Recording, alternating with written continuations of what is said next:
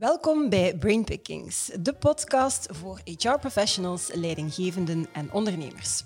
Mijn naam is Leslie Arends, founder van Zigzag HR en elke week kruip ik in het hoofd van mijn centrale gast of gasten als ze met meer dan één zijn. En dan ga ik voor jullie ideeën, inspiratie en best practices stelen waar jullie mee aan de slag kunnen in jullie organisatie of in jullie HR-team.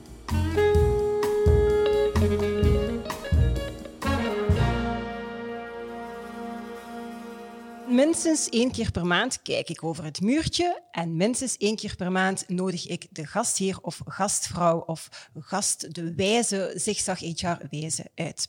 En deze maand is dat niemand minder dan Joost Callens. We gaan het vandaag hebben over levenslang leren. Joost Callens heeft samen met zijn zus uh, leidt hij of zorgt hij ervoor dat de Durabeek-groep in, uh, in, goede banen geleid wordt. Dat is ondertussen tweede generatie, als ik het goed begrepen heb, want het was uh, papa Jacques die het bedrijf destijds heeft opgestart. En we gaan vandaag in gesprek, we gaan vandaag in Joost zijn hoofd kruipen en het zal daar extreem druk worden, want ik heb nog iemand anders meegebracht. Ik heb ook Isabel van Hoedenhagen meegebracht, Learning and Development Consultant bij Sivora. Welkom Joost, welkom Isabel. Hoe gaat het met jullie?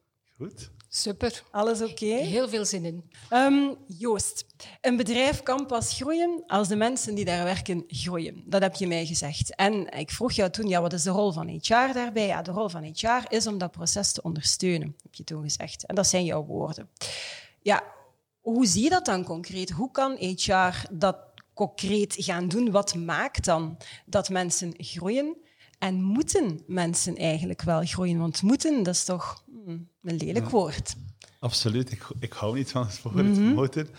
Um, maar ik heb wel gemerkt dat uh, in de loop der jaren, in mijn eigen ervaring, dat als je, als je in ontwikkeling gaat bij jezelf, dat dat, dat, iets, dat dat iets losmaakt ook bij jouw eigen teamleden. Mm -hmm. En, um, dus ik ben een ongelooflijke fan van mensen in ontwikkeling te laten gaan. Ik ben, meer zelfs, ik geloof dat een organisatie alleen maar kan groeien als ook elk individu van die organisatie, elke mhm. medewerker groeit.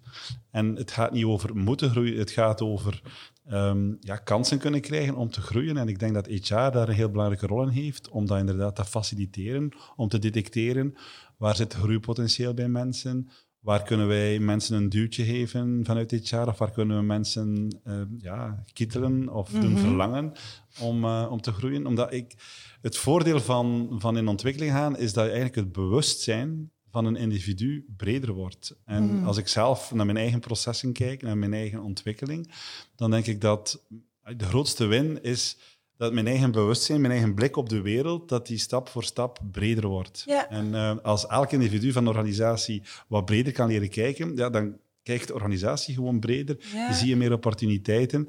En als er opportuniteiten komen, dan kan je ook groeien als, als bedrijf. Ja, dat is, dat is, inderdaad mooi samengevat. Isabel, hoe kijk jij daarnaar? Misschien ja, in eerste instantie als, als individu ook, als, als, als persoon, als medewerker, maar dan ook hè, vanuit de rol van, van Sephora. Mm -hmm.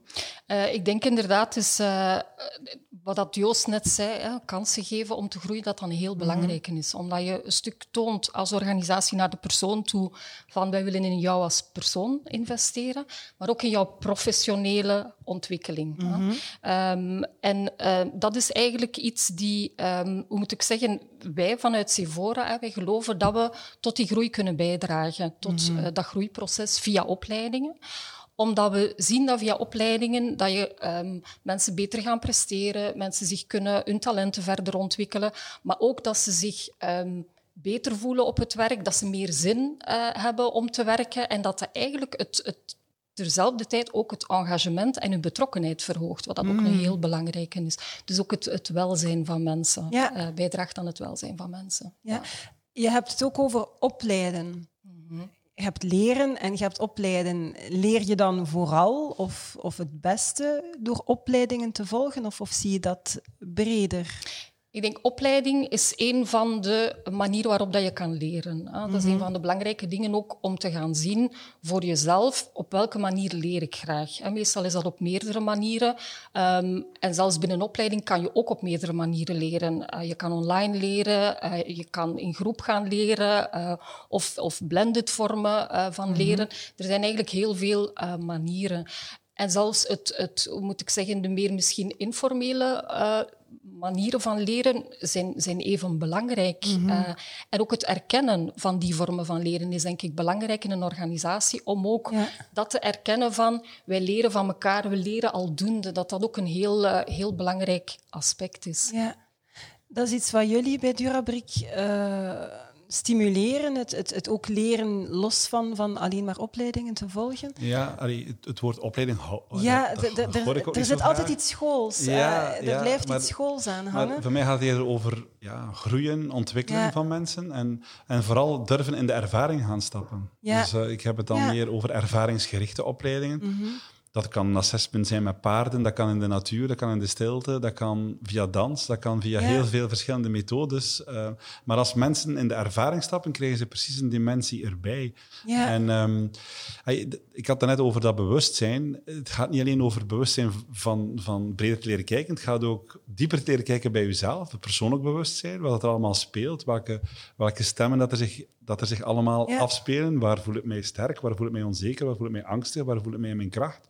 En daar leren naar kijken, daar durven leren naar kijken. Het gaat ook over ik in relatie tot de ander, in een groepsdynamisch proces durven stappen en mhm. leren van, van ja, wat, wat, leren we van elkaar? Wat, wat, maakt dat ik mij inhoud als ik in een groep zit? Of wat maakt dat ik mij juist wil manifesteren?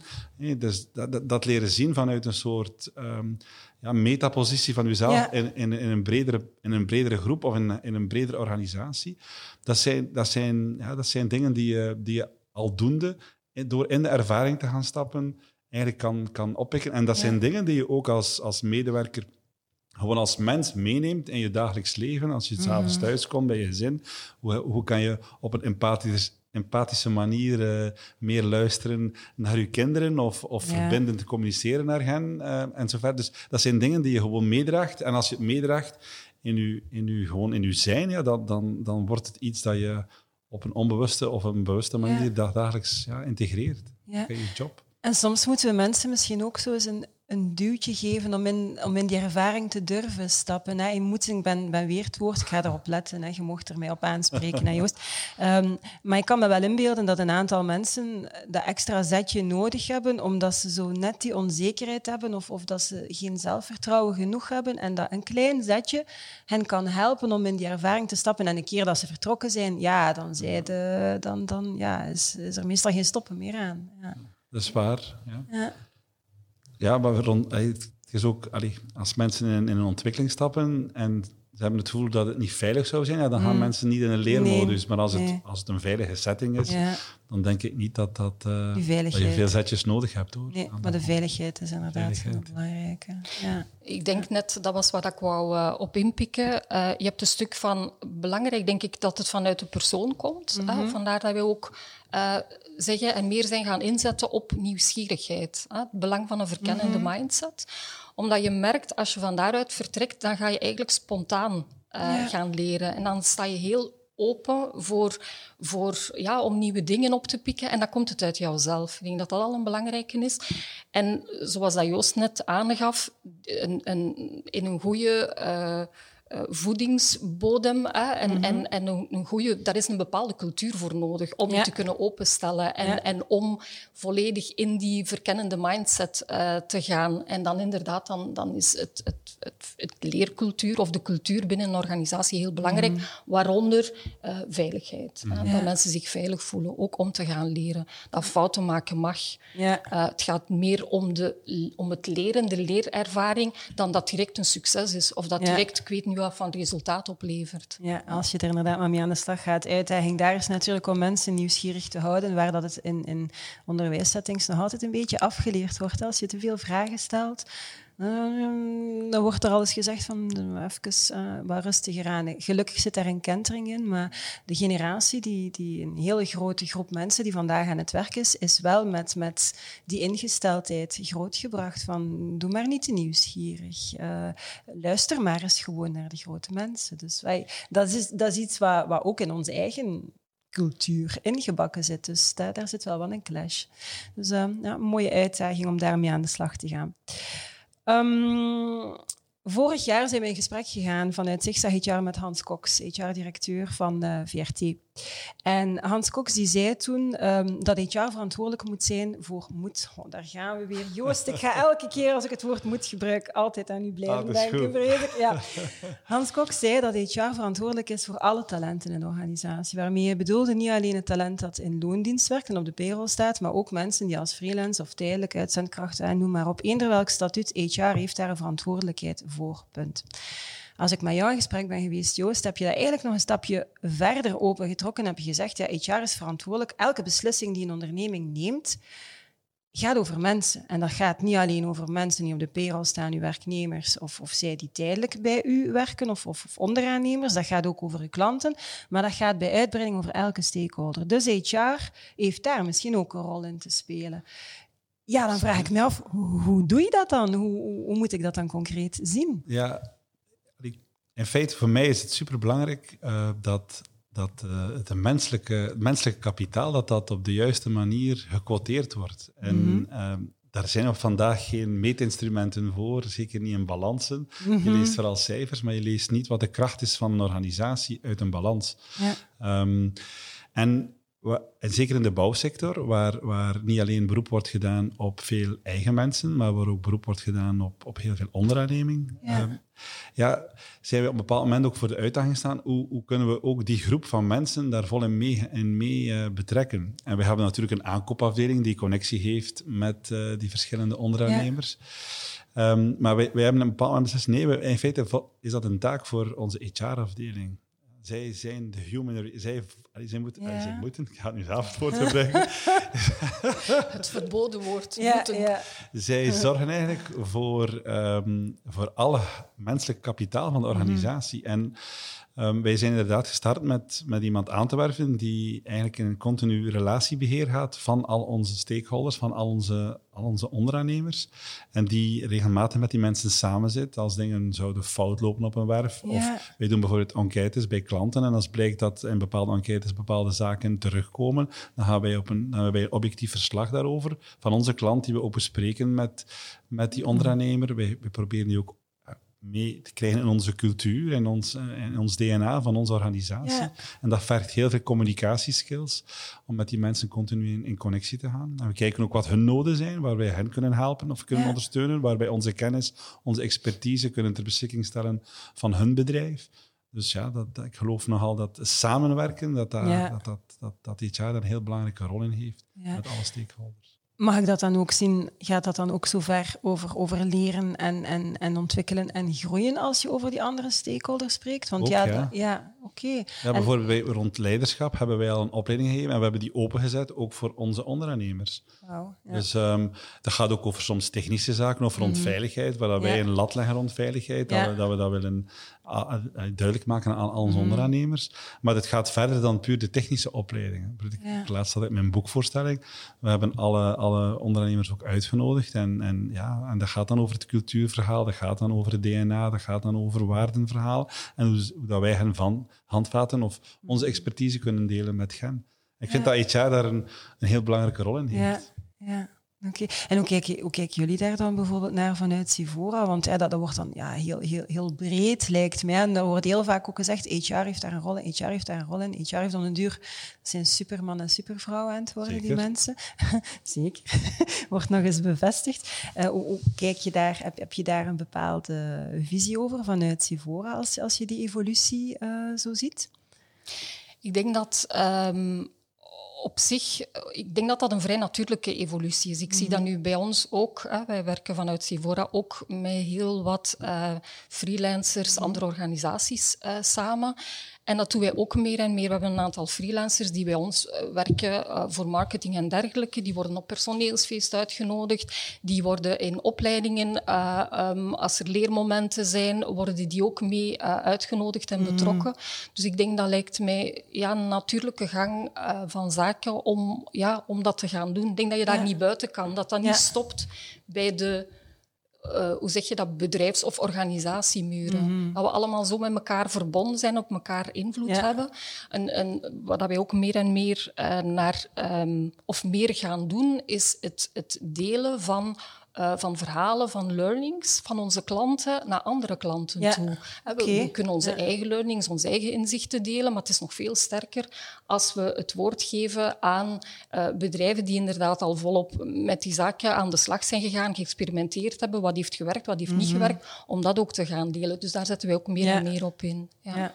Mag ik daar nog een aanvulling Ja. op geven? Wij hebben jarenlang, dat valt me nu te binnen, ehm, in onze directievergadering stond, zat er een, zat er een, ehm, een achtste stoel en daar, daar zat, daar zat, Ah, daar zat ja. een pop op.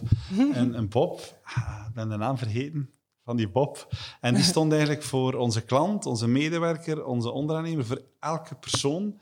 Dus Ja. Want je neemt iedere dag beslissingen en als je, ja, voordat je het weet, ja, hou je te weinig rekening met wat dat, wat dat betekent voor, voor Ja, ieder wat is de impact op hen Ja. of hoe worden zij daar beter ja, van? vanuit, vanuit, Ja. vanuit, vanuit die insteek zat die persoon mee aan de tafel. Ah, Ja, tof. we hebben dat ook Ja. gehad met de Ja. klant. Bij ons was het Raoul. Of is het Raoul. Raoul? Ja. Tweetalig, Nederlands-Franstalig. Ah, Raoul passeerde langs Ik beide denk dat kanten. Julien was, van mij niet meer zeker. Twee mannen. ja, maar we hebben ook Rosie. Ah, oké. Maar we hebben heel veel vrouwen bij Sivora, Ja. dus voilà, een extra man was ook welkom. Oké, goed. Ehm, ik ga even ehm, overstappen naar Peter Hinzen. Peter Hinzen eh, heeft al veel boeken geschreven. Een van zijn eerdere boeken was The Day After Tomorrow, hè, waarin hij eigenlijk een stukje een pleidooi brengt naar bedrijven om te zeggen van ja, ehm, je mocht niet alleen bezig zijn met, met vandaag, eh, de zaken waar je uiteraard ja, direct de consequenties ziet in je PNL, dat is logisch. Je mocht niet alleen daarmee bezig zijn. Het is belangrijk dat je ook al nadenkt over morgen en overmorgen. Het probleem is, als je dat niet doet, zegt hij, ja, dan is de kans reëel dat als er iets aan je huidige business gebeurt, of als die ehm, ja, disrupted wordt, hè, om, om, om een, een- buzzword te gebruiken, ja, dat je dan van de ene dag op de andere in, in, in heel slechte papieren kunt terechtkomen.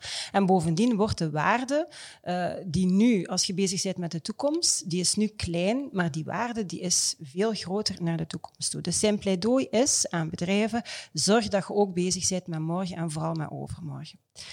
Lisbeth, hm, dat is, dat is evident. evident. Alleen Ja. in de praktijk merk je dat bedrijven daar echt mee struggelen, omdat er altijd wel een brandje te blussen is. Er zijn altijd zaken, prioriteiten, die dringend zijn, terwijl dat zaken die belangrijk zijn, maar niet dringend zijn, terug ja, vooruitgeschoven worden. Het is, het is een dagdagelijkse realiteit waar, waar je gewoon heel vaak niet omheen kan. Maar toch, dat pleidooi en die alertheid. Nu, dat model was inspirerend voor Lisbeth Klaus, die samen met mij het boek Zigzag HR heeft geschreven. En eh Lisbeth heeft gans dat model eigenlijk vertaald naar leren en ontwikkelen. En zegt ze, de bedrijven zouden diezelfde ingesteldheid of datzelfde model kunnen gaan toepassen als het gaat over opleidingen die mensen of leren gewoon en groeien in het algemeen ehm, in een organisatie. Waarmee dat ze wou zeggen, als je nu een kaart zou brengen in welke mate dat je inzet in, in het eh, verbeteren van de kennis en de skills die je werknemers of je medewerkers of, of eh, je ecosysteem vandaag nodig heeft, is de kans groot dat daar ook 70, 80 procent van alle tijd, geld, energie naartoe gaat. In verhouding, zegt ze, zal er waarschijnlijk heel weinig energie, tijd, geld en middelen gaan naar skills die morgen nodig zijn, misschien nu nog niet, en nog veel minder of misschien helemaal niets naar skills die in de iets verdere toekomst aanwezig zijn. Ja, zij geeft dan eigenlijk een stukje, ehm, of ze, ze, ze, ze, ze gaat even met de alarmbel gaan rinkelen om te zeggen van ja, zijn bedrijven daar wel mee bezig, want dat is cruciaal. Je kunt niet zomaar mensen aan de kant zetten als plots je bedrijf blijkt een andere koers te moeten varen. Dat zijn zaken die je moet zien aankomen als bedrijfsleider. Dus ik ben eigenlijk heel benieuwd, ehm, ja, in eerste instantie naar jou, eh, Joost, misschien in welke mate zijn jullie bezig met, met, met die toekomst, met die skills? Worden mensen nu al op toekomstige zaken voorbereid of is in verhouding toch ook nog weinig?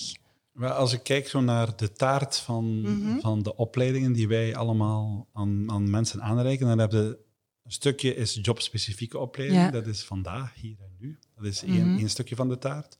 Een ander stukje is meer de generieke opleidingen, waar dan mensen ja, ze kunnen op inschrijven die ze ooit kunnen nodig hebben. Eh, dat, ehm, dat gaat bijvoorbeeld over ehm, empathisch luisteren of eh, verbindend communiceren of, of heel specifieke eh, rond digitalisering of rond, rond ja, heel, heel specifieke thema's, maar eerder de- generaal waar, dat ieder, waar dat iedereen gebruik van maakt. Ja. En dan heb je de meer ervaringsgerichte opleidingen die eigenlijk breed kunnen ingezet worden en waar eigenlijk geen die helemaal niet gekoppeld zijn aan een job, maar die de, de, het bewustzijn de, van de mensen helpt verbreden. Ja. En ja, die hun leiderschap wordt gekitteld. Ehm, en als ze, ja, met andere woorden, ja, mensen in een nieuwe job terechtkomen of in andere skills nodig hebben, dan, dan kunnen ze heel snel daar, daarin terecht. En, en proberen wij mensen daar ja, een, een, een soort plan natuurlijk voor de high potentials, hè, zoals er veel bedrijven aanwezig zijn, ehm, is er altijd een soort plan. Maar wij proberen een plan te maken voor elke medewerker. Wij proberen elke medewerker ergens een perspectief te geven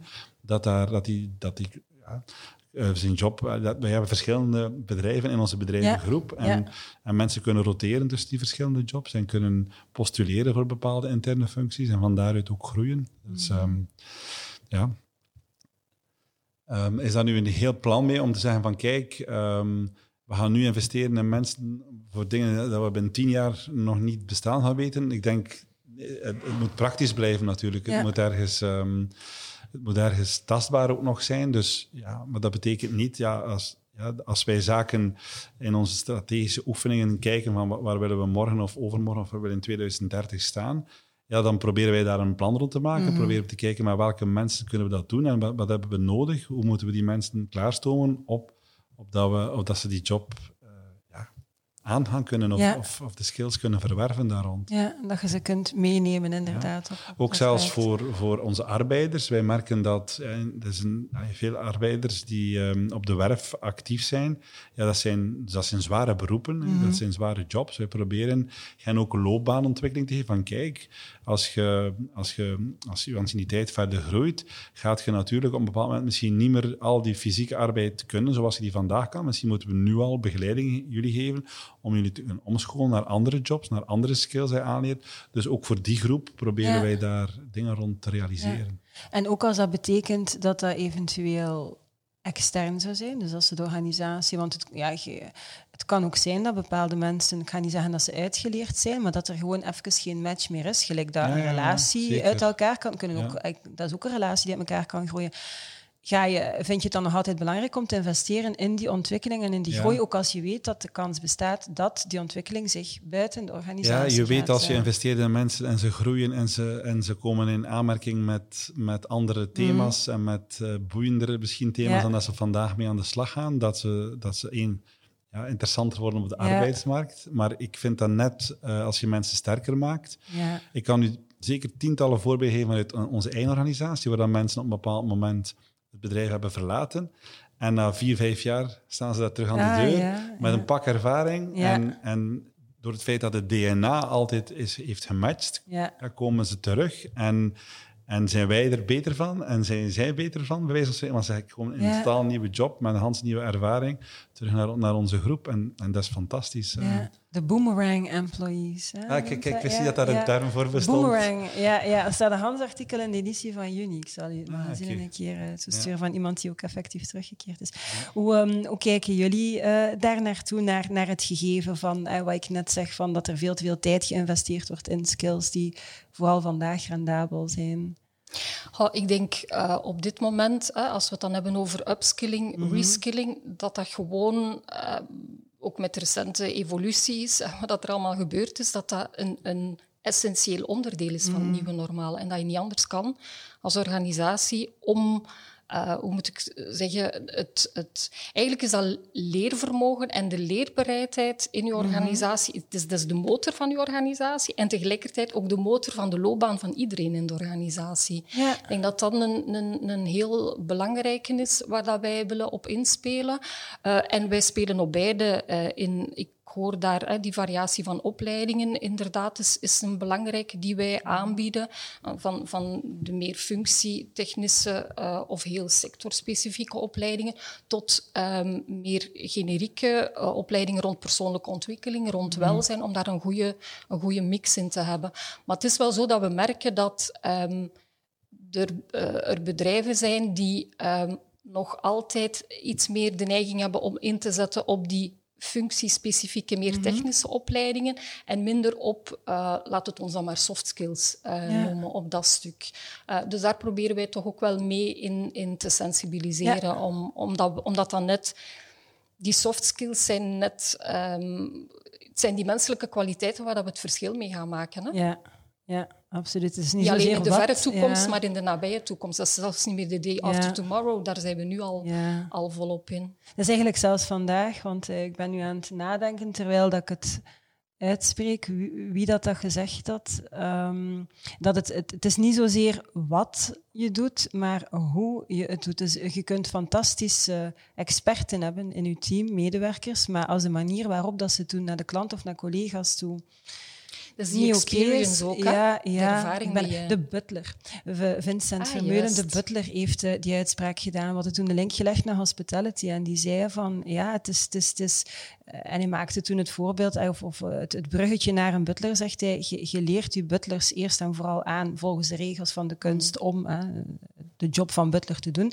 Maar veel belangrijker is dat die persoon kan inschatten als de, de, de man of vrouw des huizes, heeft hij een slechte dag, een goede dag, ja, dan, dan moet je kunnen ja, je persoonlijkheid, je empathie gaan inzetten. En ja, die hospitality, dat is wel een zeer belangrijke. En voor mij is dat de link met hoe en die soft skills, hoe dat je het doet, Ja. is... It's is not what you do, it's how you make How- them feel. Hoe dat je anderen laat voelen absoluut, is een heel zijn belangrijk. hier alle quotes. eh, Hopla, er nog één eh, bovenop. We gaan er nog één bij gooien. Ja.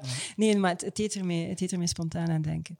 Ehm, persoonlijk ben ik, er het meest, eh, ben ik ervan overtuigd dat we het meeste kunnen leren van mensen in sectoren die op het eerste zicht echt niks met ons eigen vakgebied te maken hebben. Dus, en dat, ik ben ervan overtuigd dat je continu op zoek moet gaan naar mensen en, en die, die het eigenlijk helemaal niet eens zijn met je, of die fundamenteel van u verschillen in waarden of, of waar ze staan in het leven of, of mogelijkheden die ze wel of niet hebben.